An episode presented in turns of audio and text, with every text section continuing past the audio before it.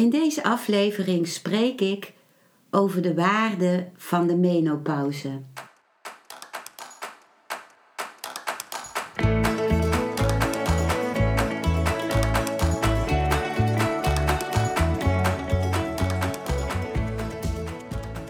Welkom bij een nieuwe aflevering van Modita's podcast Van Pijn naar Zijn.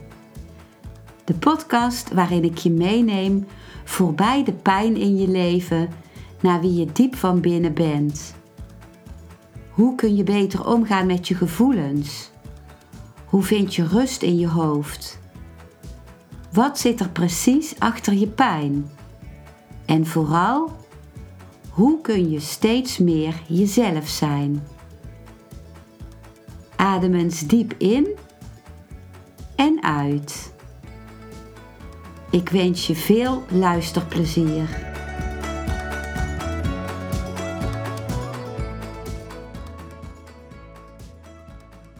Ik begin met woorden die ik ook heb gesproken in het filmpje op mijn YouTube-kanaal Modita van Zummeren met dezelfde titel als deze aflevering. Dus hier komen de woorden van dit filmpje eerst. Wat is de waarde van de menopauze?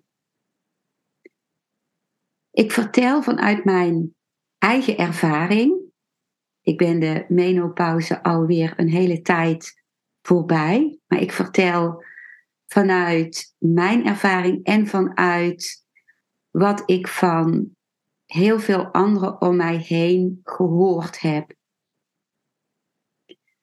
Ik vertel eerst iets over uh, de fysieke dingen van de menopauze en dan over de uh, psychisch-emotionele dingen. Fysiek gezien is er het lichte slapen, het vaak wakker worden s'nachts, dus uh, het niet echt diep wegzakken in slaap. En dat geeft een, een soort gevoel van uh, continu op de radar zijn op een of andere manier. En het, het is ook vermoeiend. En dan zijn er de opvliegers. Dus dat een één keer uit het niks, s'nachts of overdag, een enorme golf van hitte op kan komen zetten. Gepaardgaande met uh, plotsklaps heel veel zweten. Dus plotseling ben je helemaal overdekt met een laag zweet. En um, ik heb zelf heb ik geprobeerd een tijdje om met kruiden. Daar waren kruidentabletten voor, de teunusbloem, zoals ik me kan herinneren, om die opvliegers tegen te gaan. En dat hielp voor een stuk, maar later ook weer veel minder.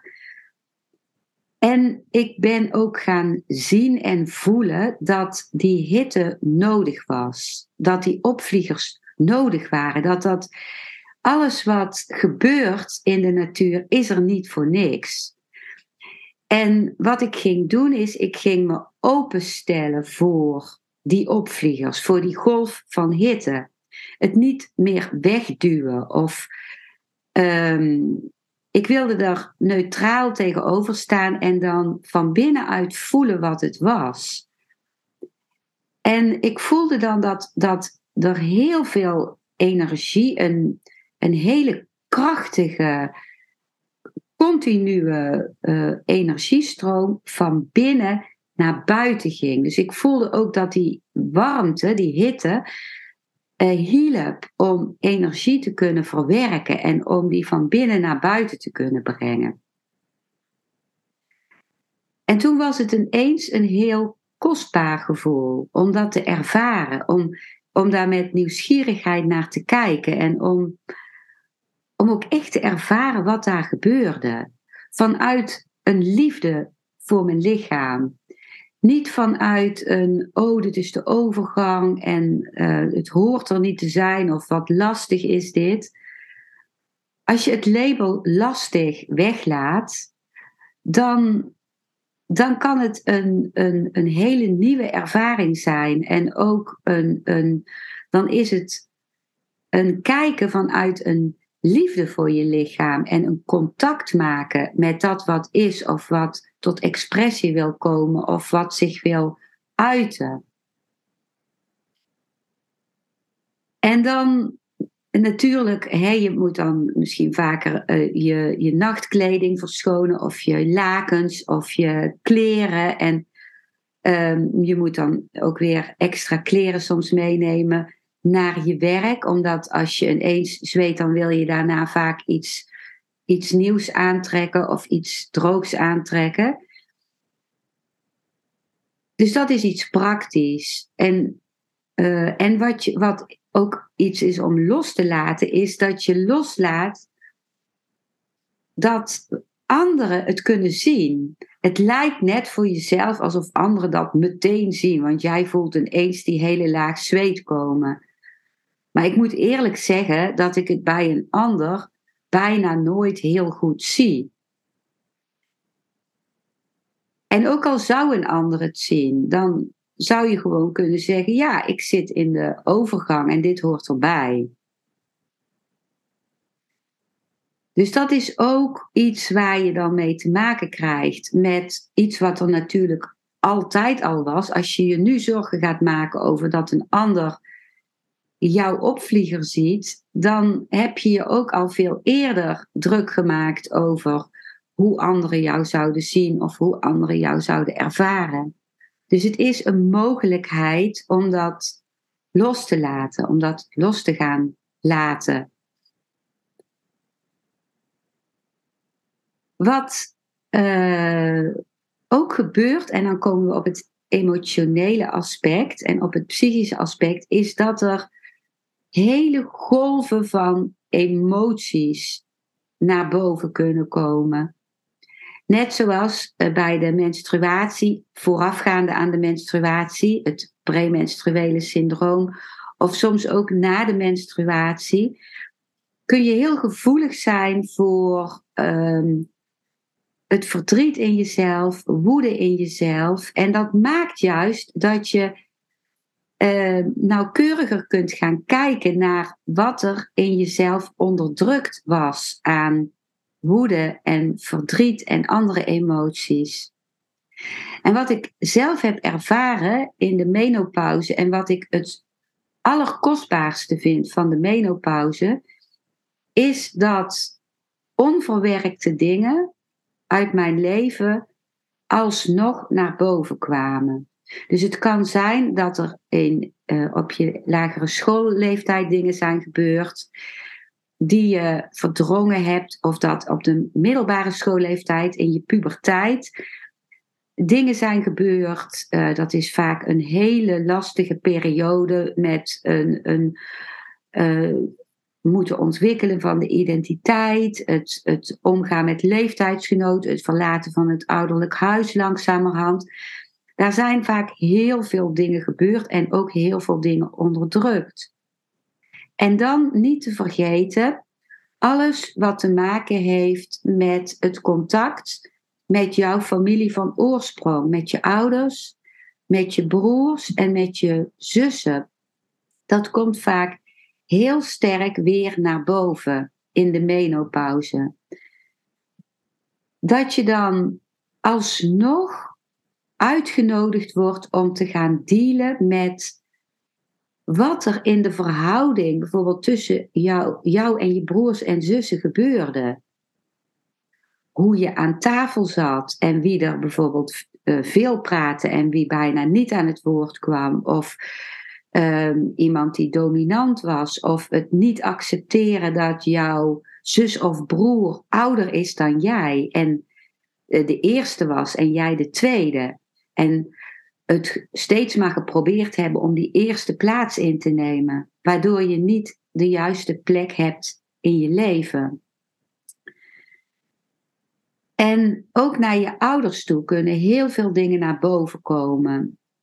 Misschien is juist wel de waarde van de menopauze dat, dat het door al die hormonale veranderingen en door die opvliegers en door minder slapen en daardoor psychisch een lagere weerstand hebben, juist de dingen naar boven kunnen komen.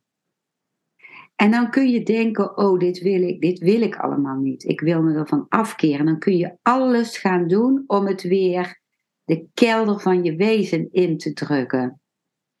Maar is dat wat je wil? Is dat waarmee je tot aan je dood verder wil gaan met het eronder houden van de dingen? Of pak je bij de menopauze nu juist je kans om er iets mee te gaan doen?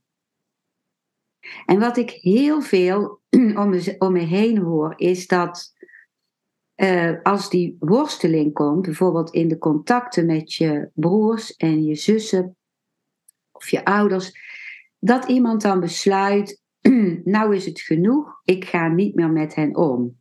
Ik wil ze niet meer zien en ik wil mijn eigen leven leiden. Dat gebeurt dan juist niet. Dan ga je juist niet je eigen leven leiden. Want in het wegdrukken zit heel veel energie en dat moet je blijven doen. Dat blijft aan je knagen.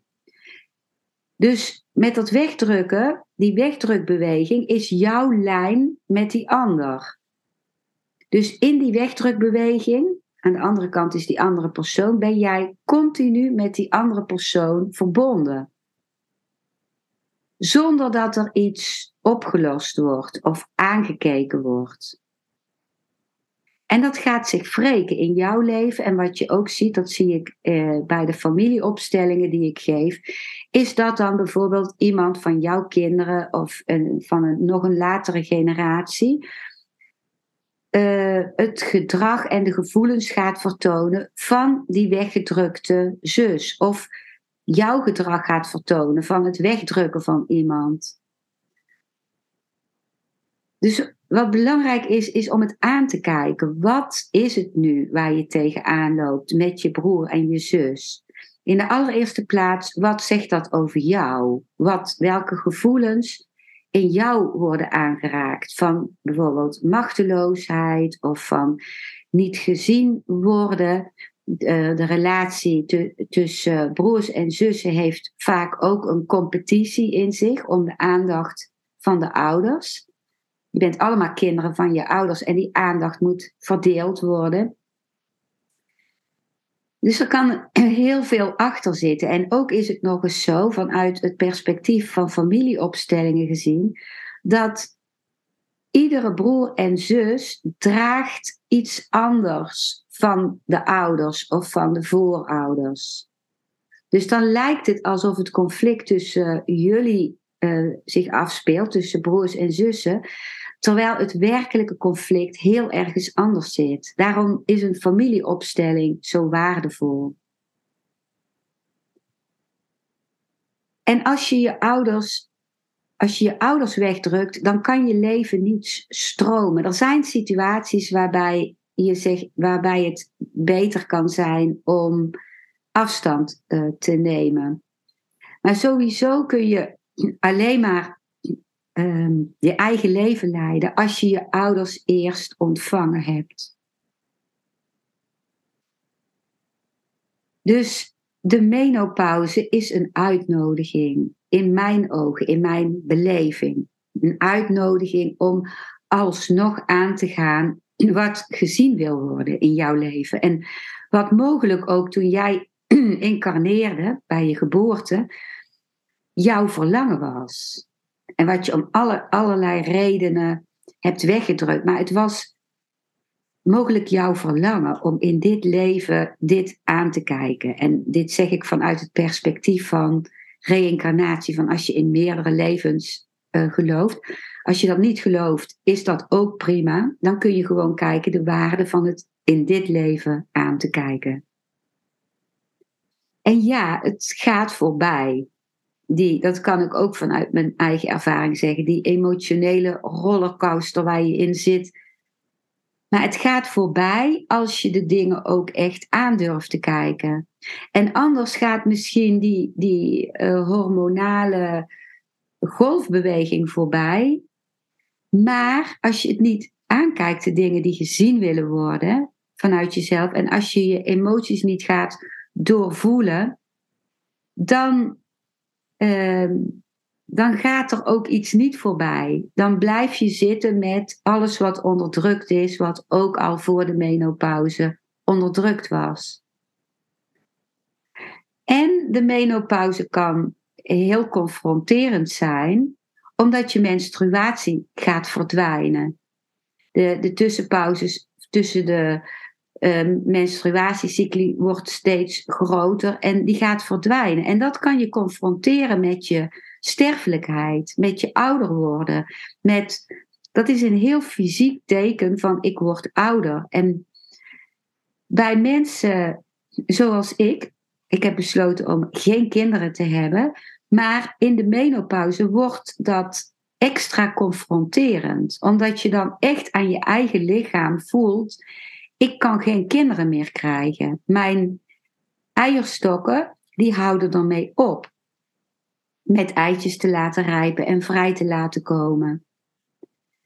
Dus daar word je heel direct mee geconfronteerd. Want het steeds ongesteld worden is ook een teken van je vruchtbaarheid. En ook mensen die wel kinderen hebben, kan het heel confronterend zijn om te voelen van, nu kan ik niet nog meer kinderen krijgen. En daarbuiten, buiten het uh, kinderen kunnen krijgen, is het ook het teken dat je, dat je niet meer menstrueert, confronteert je ook met je leeftijd en met ook je sterfelijkheid. Dat, dat uh, je dichter bij de dood komt.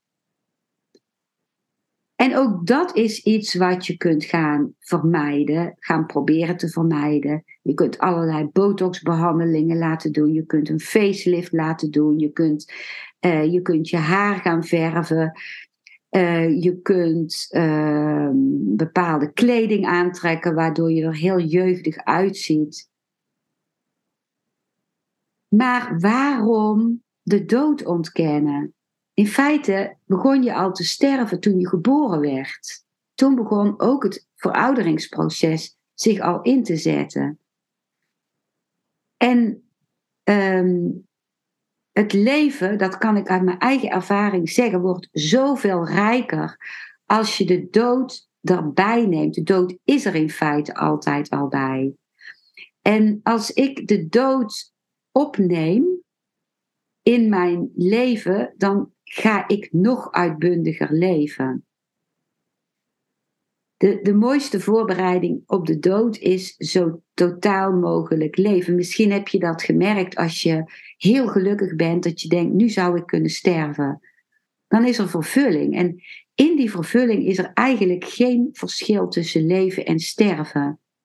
Ik denk ook dat er in feite geen dood is. Dat, dat wij bewustzijn zijn en dat ons lichaam is sterfelijk, maar ons bewustzijn niet. Maar daarmee zeg ik niet dat ik ook niet een angst kan hebben voor de dood. Of dat het heel confronterend is of kan zijn. Maar zelf wil ik het wel, uh, wil ik mijn hele proces meemaken. Ik zou ook heel graag bewust dood willen gaan.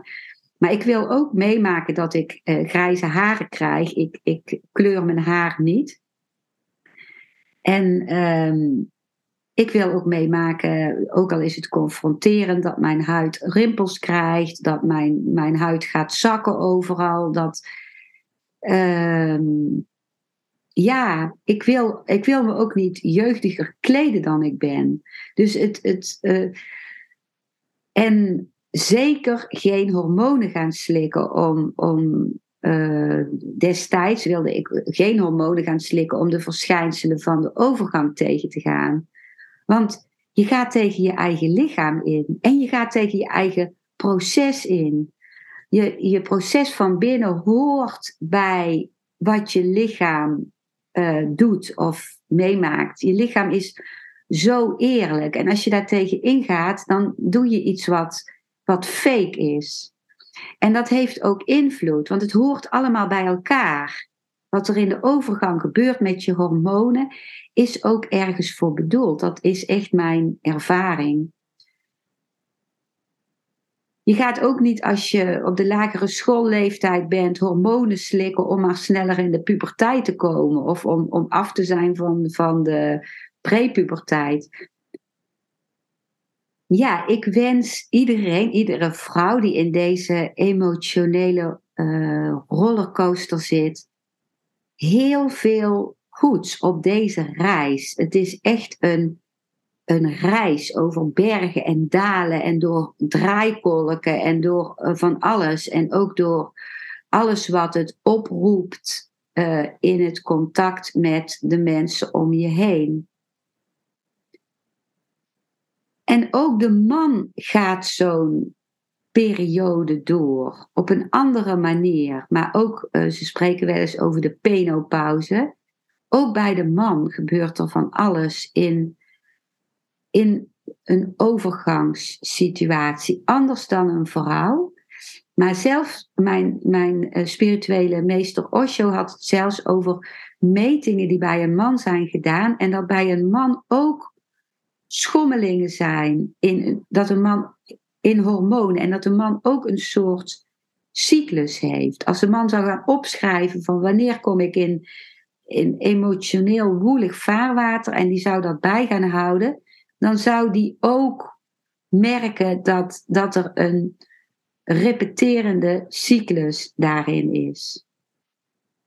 Maar ik durf daar zelf minder over te zeggen, omdat ik natuurlijk die ervaring niet heb. Dus dan zou ik aangewezen zijn op wat mannen daarover vertellen. En daar heb ik ze eigenlijk zelf nooit over bevraagd. Dit waren de woorden van mijn YouTube-filmpje. De menopauze kan confronterend zijn, omdat die je confronteert met dat de mogelijkheid om kinderen te krijgen voorbij is. En dat confronteert tevens met het ouder worden. En uh, in dat kader wil ik een tekst delen van een onbekende vrouw. Ik heb die tekst gevonden op Facebook. En ik wil hem delen omdat ik hem zo mooi vind. En die tekst gaat over oud zijn. Laatst vroeg een jong persoon me: hoe voelt het om oud te zijn? Ik was zeer verrast door de vraag, aangezien ik mezelf niet oud vond. Toen hij mijn reactie zag, schaamde hij zich meteen. Maar ik legde uit dat het een interessante vraag was. En na reflectie kwam ik tot de conclusie dat oud worden een cadeau is. Soms verbaas ik me over de persoon die in mijn spiegel leeft. Maar ik maak me niet lang druk om die dingen. Ik zou niet alles ruilen wat ik heb voor een paar grijze haren minder en een platte buik. Ik scheld mezelf niet uit voor het niet opmaken van het bed of voor het eten van een paar extra kleine dingetjes. Ik heb het recht om een beetje rommelig te zijn extravagant te zijn en uren naar mijn bloemen te staren. Ik heb enkele goede vrienden deze wereld zien verlaten voordat ze de vrijheid hadden genoten die gepaard gaat met oud worden. Wie maakt het uit dat ik ervoor kies om tot vier uur ochtends te lezen of op de computer te spelen en dan slaap tot wie weet hoe laat. Ik dans met me mee op het ritme van de jaren 50 en 60. En als ik straks wil huilen om wat verloren liefde, ik zal het doen. Ik loop over het strand in een badbak dat zich over mijn mollige lichaam uitstrekt en duik in de golven terwijl ik mezelf laat gaan ondanks de medelijdende blikken van de bikinidragers. Die worden ook oud als ze geluk hebben. Het is waar dat mijn hart door de jaren heen verlangd heeft naar het verlies van een geliefde, naar de pijn van een kind, of omdat ik een huisdier zag sterven. Maar het is lijden dat ons kracht geeft en ons laat groeien. Een ongebroken hart is steriel en zal nooit het geluk kennen van imperfect zijn. Ik ben trots dat ik lang genoeg geleefd heb om mijn haar grijs te hebben en de glimlach van mijn jeugd te behouden, voordat de diepe fronten op mijn gezicht verschenen. Nu, om eerlijk te antwoorden, kan ik zeggen: ik vind het leuk om oud te zijn. Want ouderdom maakt me wijzer, vrijer. Ik weet dat ik niet eeuwig zal leven, maar zolang ik hier ben, ga ik volgens mijn eigen wetten leven, die van mijn hart. Ik ga geen spijt krijgen van wat er niet was, nog zorgen maken over wat er zal zijn. De tijd die overblijft, zal ik gewoon van het leven houden, zoals ik tot vandaag deed. De rest laat ik aan God over. Dat was de tekst van deze onbekende vrouw. Ik lees in het kader van de confrontatie met het ouder worden ook een uh, stukje voor van Osho, dat ook te vinden is in het boek The Osho Upanishad, hoofdstuk 24. En dat is een, een stukje wat ik nu voor me zie in het Engels en wat ik ter plekke vertaal in het Nederlands. Dus als het een beetje hapert hier en daar, dan is het omdat ik nu direct die vertaling uh, doe. Dus hier komen de woorden van Osho. Als je rondkijkt in het leven, zul je nergens zijn vinden. Je zult altijd worden vinden. Een worden. De moeilijkheid wordt gecreëerd door de taal. Het is een armoede van taal. Je ziet een roos. Je ziet haar en je zegt: Wat een mooie bloem. Maar de bloem is continu aan het bloemen. Die is nooit in een staat van ook maar ergens te stoppen.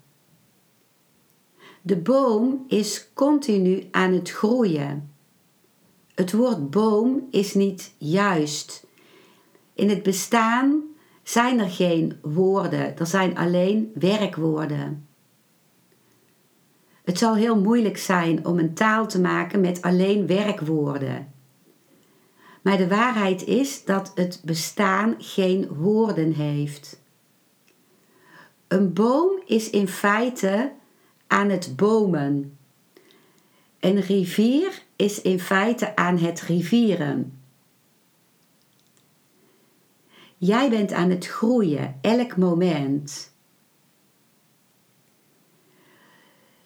Ofwel je bent aan het oud aan het groeien in het oud zijn, het, het ehm, normale, de normale betekenis van het woord, of je groeit op. Dus je groeit oud of je groeit op. En opgroeien is de weg van mijn mensen. Bij het oudgroeien hoef je niks te doen. Je zult oudgroeien. Je biologie zal ervoor zorgen. Opgroeien betekent een continue alertheid. Zodat het lichaam doorgaat met oud te groeien, maar je bewustzijn gaat door met omhoog te groeien, met op te groeien. Maar het is altijd een groeien. Zelfs in de dood is een bewust iemand aan het groeien. Het hele bestaan is een groot werkwoord, niet een woord.